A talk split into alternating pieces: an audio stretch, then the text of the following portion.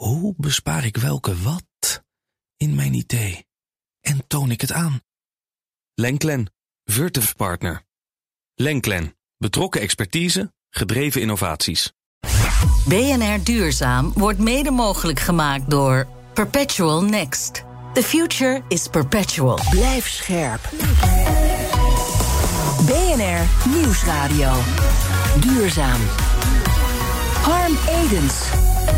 Op de Groene Weg naar 2030 gaan we het vandaag hebben over drukte op het stroomnet, de massale belangstelling voor de SDE-subsidiepot en over de seismische testen van Shell voor de kust van Zuid-Afrika. Shell hervat binnenkort voor de oostkust van Zuid-Afrika seismische testen op zoek naar olie. Laten daar nou net vitale broedgebieden liggen voor walvissen. Milieuprotesten zijn door de rechter afgewezen, dus Shell gaat door. Geholpen door de Zuid-Afrikaanse regering, die nu zwaar leunt op kolen en graag olie wil. Bij die seismische testen wordt gebruik gemaakt van extreem lage geluidsgolven. En die, samen met de andere activiteiten, kunnen zeer verstorend werken voor de walvissen, dolfijnen en zeehonden die daar leven. Lijkt mij een slecht en ouderwets idee. Shell zich steeds te willen veranderen in een van de grootste aanjagers van de energietransitie in Nederland. Wat mij betreft mogen ze dat meteen uitbreiden richting Zuid-Afrika. Want aanjagen klinkt een stuk beter dan walvisjagen. Ik ben Harm Edens, dit is BNR Duurzaam. En ons groene geweten is deze keer Helga van Leur. Helga, wat fijn dat je er bent voor we met jouw nieuws starten.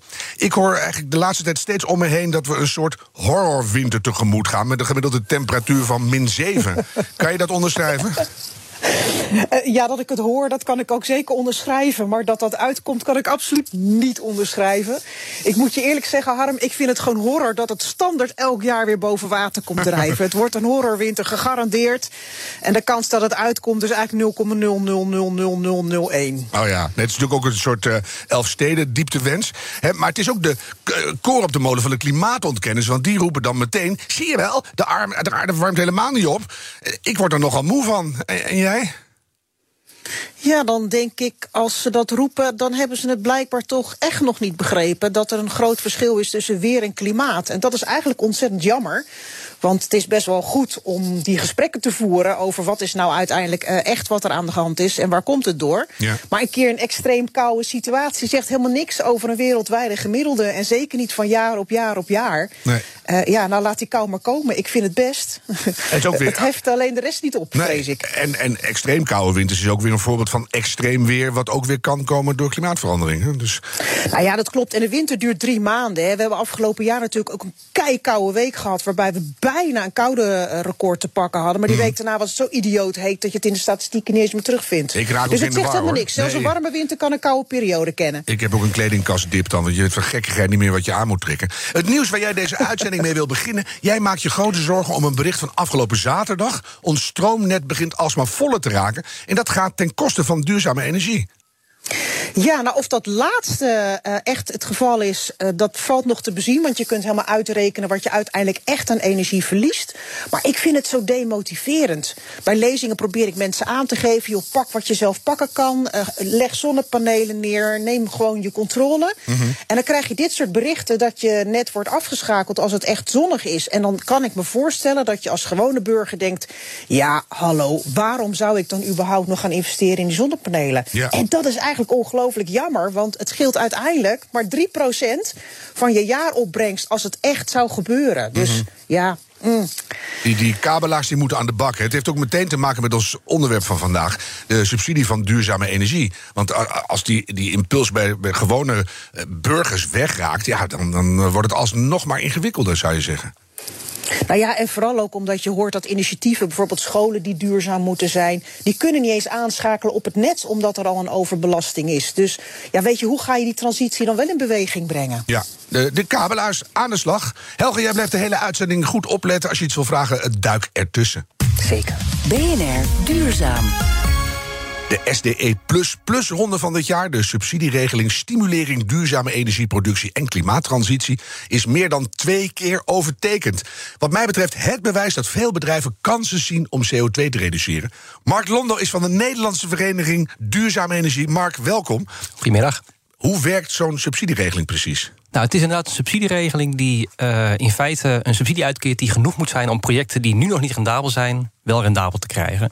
Uh, dat betekent dus elke techniek krijgt net genoeg geld om uit te komen uh, en daarmee te worden gerealiseerd. en dat, die regeling staat tegenwoordig open voor van alles en nog wat. Voor zonnepanelen, voor windprojecten, voor geothermie, maar ook voor CO2-opslag, voor CO2-vrije warmte, voor groen gas. Het is een heel grote bak aan projecten die zich daar eh, aan kunnen, kunnen aanmelden. Dus iedereen die eigenlijk denkt: ik heb een klein duwtje vanuit de overheid nodig, die eh, kan zich aanmelden. Ja, maar dan hebben we, we hadden de SDE-regeling, was al een tamelijk ingewikkelde afkorting. Nu hebben we er een plus-plus bij. Ja. Wat, wat is plus-plus? Nou, het belangrijkste verschil is dat hij nu ook open staat voor maatregelen die wel CO2 eh, reduceren, maar niet per se hernieuwbaar zijn. Dus hij was al voor wind en zon en biomassa en aardwarmte. Mhm. Maar hij is nu ook voor, wat ik zeg, CO2-opslag en bijvoorbeeld ook schone warmteproductie met warmte pompen of elektrische boilers. Ja, ja, ja. Nou zit er uh, 5 miljard eh, sinds dit najaar weer in de pot. Hoe is dat geld grofweg uh, verdeeld? Nou, als je kijkt naar de aanmelding, hij is inderdaad meer dan twee keer overtekend. Er is voor 12 miljard aan budgetreservering is daar aangevraagd. Uh, en wat er dan gebeurt is dat die, al die projecten worden gerangschikt op de laagste, laagste subsidie-intensiteit, zoals het heet. Dus eigenlijk, de overheid wil gewoon de biggest bang voor de bak. Ja. Dus hoe realiseer ik met zo weinig mogelijk geld zoveel mogelijk CO2-reductie? En dat betekent dat al die projecten worden gerangschikt uh, op hun uh, goedkoopte eigenlijk. En dan zijn natuurlijk de goedkoopste projecten eerst aan de beurt. En wat je nu ziet als je die rangschikking gaat doen... Dan heb je lekker snel harde cijfers naar buiten toe. Wij reduceren enorm.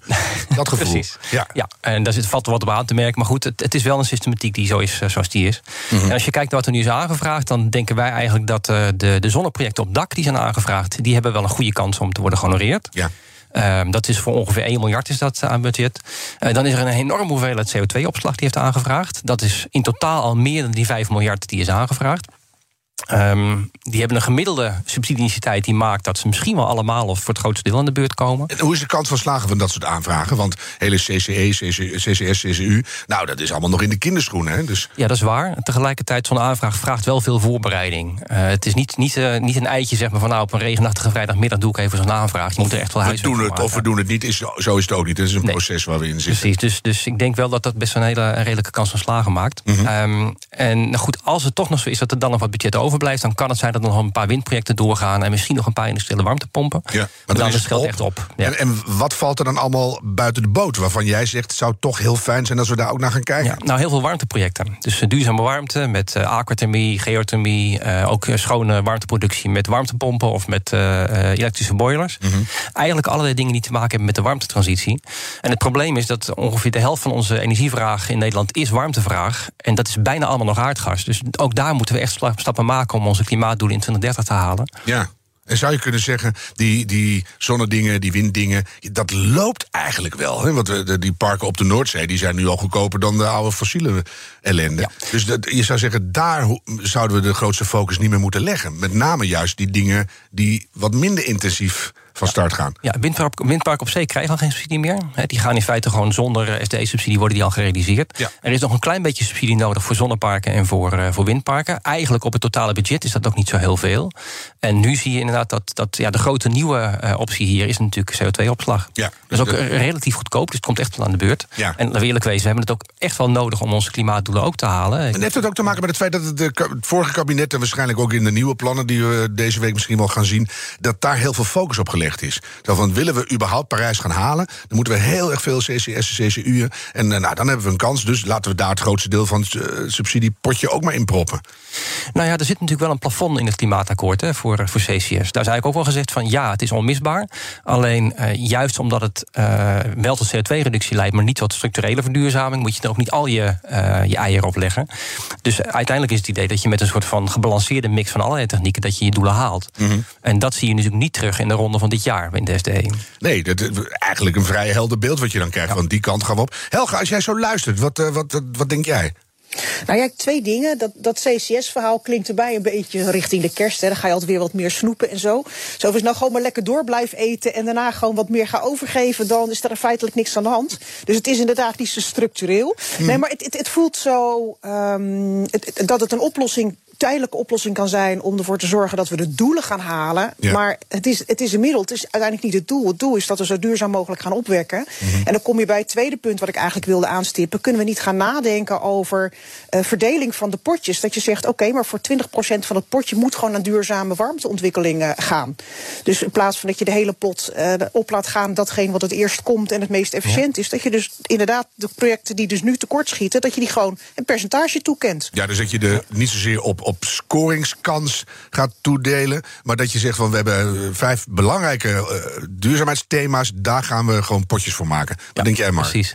Nee, dat klopt. Nou, die, die kant wordt natuurlijk al een beetje uitgedacht. Hè. Er was vorige week een Kamerbrief die eh, de, de uitslag van de ronde liet zien. Maar er zat ook een grote bijlage bij waarbij EZK heeft aangegeven op welke manier ze nu vanaf 2023 eh, de- willen omgaan met het feit dat dit ook niet de bedoeling is. En dan hebben ze nu hekjes uitgevonden. Hekjes? Hekjes, ja. Dus, eh, ja je- de SDE is moeilijk, maar hekjes, dat is een heel simpel woord. Eh, Wat, wat voor hekjes? Hoe Nou, het, hele idee, HEK? eh, dat- het hele idee is dat je zeg maar, sommige groepen technieken... dat je daar een hekje omheen zet en zegt... er is een minimumbudget van zoveel euro... Mhm. of zoveel miljoen of miljard is er beschikbaar... voor projecten die daar ja, op worden aangevraagd. Ja. En dan borg je dus veel beter dat alles aan de beurt komt... ook de duurdere technieken. Ja, en dat je ook nog niet helemaal weet waar je uit gaat komen. Dus Ja. zet nou breed in vanaf het begin. Precies. Dan heb je een grotere hit-en-miss-kans. Ja. Dus, maar dat eerste punt van Helga vind ik eigenlijk nog belangrijker. Van zitten we nou niet weer ons eh, vuile gedrag weg te poetsen? Ja, weet je, eh, ik zou het eigenlijk ook liever hebben natuurlijk... dat we meteen in één stap eh, naar alle schone technieken toe gaan. Tegelijkertijd, de doelstellingen ook voor 2030 die zijn zo hoog... eh, ja, je moet alles inzetten en dan kom je ook niet om CCS heen. Ik bedoel, ik, ik ben zelf van de duurzame energie. Dat zie je aan de naam van mijn organisatie. Maar ook wij kunnen er niet omheen dat je CCS wel een plek moet geven. Ja. Dus ik zou het er niet zomaar uit willen poetsen. Eh, het gaat alleen om de ontwikkeling in balans. En ook, eh, ga, je, ga je het storen of ga je het meteen weer gebruiken? Ik vind CCU eigenlijk veel interessanter. Ja, dat moet nog wat, wat- verder van de grond komen. Wat waren ook dingen op aangevraagd. Ja. Ja, dat is ook wel jammer, want het is, eh, de, de, CCU-projecten in de SDE van dit jaar... die waren wat duurder dan de CCS-projecten. Opslag en eh, gebruik, use en storage. Ja. Ehm, dus het, het zou best kunnen dat ook die gebruiksprojecten... eh, minder aan de beurt komen in elk geval dan de opslagprojecten. Want weer niet zo snel resultaat. Ja, Ja. het is echt weer. eh, En innovatiever en eh, ja, wat, wat ingewikkelder nog. ja. Wat zou een oplossing zijn? Jij, jij eh, zat te denken richting een verruiming van het budget. Ja, kijk, die, die hekjes waar we het over hebben, dat wordt aangekondigd voor 2023. En dat kan ook eigenlijk niet eerder, want je moet de regeling erop aanpassen. En als je de regeling fundamenteel aanpast, dan moet je opnieuw naar Brussel voor de staatssteuntoets. Eh, en dat kost gewoon tijd. Dus dat, dat lukt niet voor 2022. Eh, we kunnen natuurlijk niet hebben dat we in 2022 nog zo'n ronde hebben als deze. Dat zou echt slecht nieuws zijn, want dan zijn er heel veel partijen die ontwikkelen projecten op het gebied van agrotomie of geotomie. En ja, weet je, als ze twee jaar de boot mislopen, vorig ging het ook al niet heel erg goed, eh, dan, dan dreigen ze gewoon weg te gaan. Dus je zult iets moeten doen volgend jaar. Want er Nee, zijn landen in de buurt waar het beter geregeld is. Dan, nou ja, ze er gewoon. zijn natuurlijk heel veel internationale ontwikkelaars die kijken inderdaad gewoon in welk land is het investeringsklimaat nu het aantrekkelijkst. Ja. En die hebben ook een beperkte hoeveelheid men- menskracht. En die zetten dat in waar ze het snelste projecten Ja, kunnen dat is ook echt logisch. Hè? Want als je naar de aanvragen van dit jaar kijkt, 4100 in totaal. Voor maar liefst 7,26 megaton aan CO2-besparing is er ingediend. Maar het bedrag wat, wat daar tegenover zou moeten staan is 12 miljard. En er zat maar 5 in de pot. Ja. Dan denk ik, doodzonde. Ja, nou ja, het zijn allemaal budgetreserveringen. Dat geld gaan we niet uitgeven, maar dat, dat is even een ander verhaal. Ehm, het is inderdaad jammer dat die projecten nu waarschijnlijk niet worden gehonoreerd. Tegelijkertijd, als je een jaartje moet wachten... het idee is dat de SDE volgend jaar wat eerder open gaat, nog voor de zomer... Ehm, als je dan dat project dat nu is afgewezen, of dan waar nu dit jaar geen geld voor is, als je dat volgend jaar nog kunt aan, eh, indienen en dan wel gehonoreerd krijgt, is het nog niet zo'n ramp. Ja. Alleen, ja, dan moet de ronde van volgend jaar er dus wel echt anders uitzien. En wij denken dan inderdaad dat het goed zou zijn om in elk geval na te denken over voldoende budget om, om alle of bijna alle projecten gehonoreerd te krijgen. Kijk, je wil altijd een beetje concurrentie in de regeling houden als overheid. Dat, dat snap ik ook wel. Want je wilt een beetje zo'n concurrentiegevoel houden. Hè? Dus, dus eh, eh, dat, dat hij een beetje overtekend is, met, met 20% of zo, dat is prima. Maar niet met een factor 2. Nee. Want het geeft ook aan dat het enorm leeft. Ja. En dat iedereen dus ziet. Want we hebben toch een klein beetje hulp nodig. in het kader van internationale Ja. level playing fields, et cetera. Van eh, help ons nou een beetje mee. En dan lopen we misschien wel voorop in Europa. Ja. Wat ook wel weer eens leuk zou zijn, toch? Precies. Ja. Ja, nou, het grappige is er wel inderdaad, als je kijkt naar zo'n regeling waarbij alle technieken met elkaar concurreren en alles op CO2 wordt afgerekend. Ja, dat hebben we volgens mij alleen maar in Nederland. En er zijn genoeg landen die op andere manieren dat stimuleren, maar niet zo geïntegreerd. Of dat dus altijd werkt, nou ja, we zien nu ook wel dat het nadelen heeft. En dat we misschien wel weer met hokjes of bijzettafeltjes of, of dat soort dingen moeten gaan werken om het eh, te laten marcheren. Ja, ik, ik vind hekjes al erg, maar ik kom uit een gezin met nogal veel bijzettafeltjes. dus zullen we die maar niet Nou, doen? misschien dat dan het verkeerde de voorbeeld. ervaring leert dat je dan echt permanent struikelt. BNR Nieuwsradio. Duurzaam. Harm Edens. De SDE is de belangrijkste subsidie voor bedrijven die minder CO2 willen uitstoten. Aan belangstelling geen gebrek dit jaar. Nu moeten we er nog voor zorgen dat meer duurzame projecten hiervan kunnen profiteren. Mark Londo is van de Nederlandse Vereniging voor Duurzame Energie en het Groene Geweten. Helga van Leur, die uh, is er ook. Helga, wat, wat denk jij tot nu toe? Ja, joh, mijn hoofd gaat alle kanten uit. ik, ik denk, ik ja, als, wat, wat, doen andere landen en zo, weet je? Kunnen we daar niet nog wat van leren en oppakken? Want we hoeven natuurlijk het wiel zelf niet alleen uit te vinden. Of samen meer optrekken, Mark. Ja. Nou, je ziet eigenlijk dat alle landen in Europa doen in de eerste plaats natuurlijk waar ze goed in zijn. Um, dus er zijn er nog landen waar veel hoogteverschillen zijn. Nou, die hebben vaak al wel waterkracht. Uh, heb je hebt uh, landen met heel veel uh, resthout wat ergens vrijkomt in de bosbouw. Zoals in Scandinavië doen ze daar veel meer mee. Dus het is wat dat betreft wel logisch dat we in Nederland bijvoorbeeld nu veel, flink inzetten op wind op zee. Want we hebben een grote Noordzee. en de Noordzee is lekker ondiep. Mm -hmm. en eerlijk is eerlijk, we hebben ook veel lege gasvelden. Dus dat bij ons relatief veel aan CCS wordt gedacht in vergelijking met de andere landen, is ook niet zo gek. Nee. tegelijkertijd, goed, we hebben het al over gehad. Een structurele ontwikkeling ja, vereist een beetje balans tussen alle technieken en ook verdere structurele verduurzaming. Je zag, ziet bijvoorbeeld op, op andere gebieden, bijvoorbeeld duurzame huizenbouw, dat er alle landen rond de Noordzee de handen ineen slaan en dan met enorme grote projecten op tafel komen. Zie je dat soort tendensen hier ook ontstaan? Dat mensen echt gaan zeggen in Europees verband of in regionaal verband, regio's komen op tenslotte veel slagkrachtiger. Ja, nou zeker rond de Noordzee. Hè. Dus, dus uh, offshore windontwikkelingen eh, van alle Noordzeelanden. Het zou natuurlijk handig zijn om daar niet alleen Noordzee windparken te ontwikkelen, maar ook te zorgen dat je nog eens een keer wat interconnectie krijgt tussen verschillende lidstaten. Want dan kun je ook makkelijker die stroom uitwisselen. En hoe zit het met die subsidies uh, tussen al die landen? Ja, nou ja, uh, er zijn wel een paar voorbeelden van landen die samen een stimuleringsinstrument hebben. Noorwegen en Zweden hebben al jarenlang een, een verplichting voor hernieuwbare elektriciteit. Mm -hmm. En omdat ze zo ontzettend op elkaar lijken. Uh, werkt het ook eigenlijk wel prima. Uh, tegelijkertijd zie je wel in stimuleringsbeleid dat, dat eigenlijk lidstaten het heel fijn vinden om dat nog wel een beetje zelf te blijven doen. Het energiebeleid is, is ook zo geleerd aan economisch beleid ja. uh, dat ze het moeilijk vinden om dat samen te doen. We hebben wel een ETS. Zou, ja, dat zou toch moeten nu? Ja, we hebben wel een, een Europees handelssysteem. Nou, dat legt natuurlijk al een soort basis. En misschien dat over een aantal jaren dat voor een aantal van die projecten in de SDE ook gewoon genoeg is. En dan kunnen ze eigenlijk zonder SDE en dan kunnen ze gewoon met een CO2-prijs in de markt kunnen ze wel zorgen dat ze ook rendabel worden. Ja, komen we straks misschien nog even op van uh, moet dat blijven doorgaan. We stelden net vast dat je met zonnepanelen en windmolens eigenlijk best wel goed zit met die plus-plus uh, toestand. Maar een, een zonnepark op land of water, daar is nauwelijks budget voor.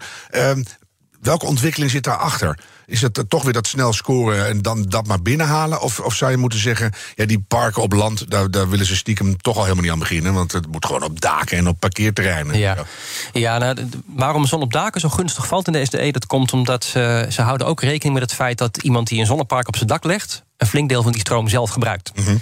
Uh, en daarmee spaar je de stroom die je anders van het net zou halen. En die stroom is veel duurder. Daar krijg je dus eigenlijk veel meer geld voor. dan wanneer je de stroom op het net zou terug, uh, terugverkopen. Ja. Uh, nou, omdat ze daarmee rekening houden in de SDE. kom je met die subsidie-intensiteit. kom je met dakprojecten voor zon. kom je relatief gunstig uit. en dat, nou ja, dat is ook wel iets wat ze in de praktijk dus zo'n beetje zien. Dus uiteindelijk proberen ze altijd wel die SDE zo, zo realistisch mogelijk te houden. Uh, en een beetje weg te houden van, van politieke keuzes. Ja. Uh, dat is heel verleidelijk, maar ja, als je er eenmaal aan begint, is vaak het einde zoek natuurlijk. Dus, ja, het is ook weer dat we niet een soort gedroomde toekomst hebben. Jan Rotmans hadden we een paar ja. vorige week. En die zegt ook, die, al die zonnepanelen op land, ja, 20, 30 plus gaan die allemaal weer weg ook. Hè, want dat moet toch allemaal anders opgelost worden. Dat is ook enorm lastig om te zeggen: dit zijn de juiste dingen om nu te doen. En dat laten we even zitten. Ja. Ja, en tegelijkertijd, als je nu alleen maar zonnepanelen op daken zou gaan realiseren, dan heb je waarschijnlijk ook te weinig snelheid om je doelen te halen. Je hebt die landprojecten nu ook nog nodig om ervoor te zorgen dat je in 2030 genoeg hebt staan. Even dat begin uh, ja. doorheen jassen. Dan verbetert die techniek weer en dan ja. zien we wel weer waar we uitkomen. Zie jij op dit moment bedrijven die uh, hele concrete plannen hebben, maar toch denken: jongens, uh, ik kom er helemaal niet doorheen ik val weer op de wachtlijst, laat maar. Nou, ik hoor het nu anekdotisch, zeg maar. Zo van, we hebben natuurlijk heel veel brancheorganisaties die lid zijn.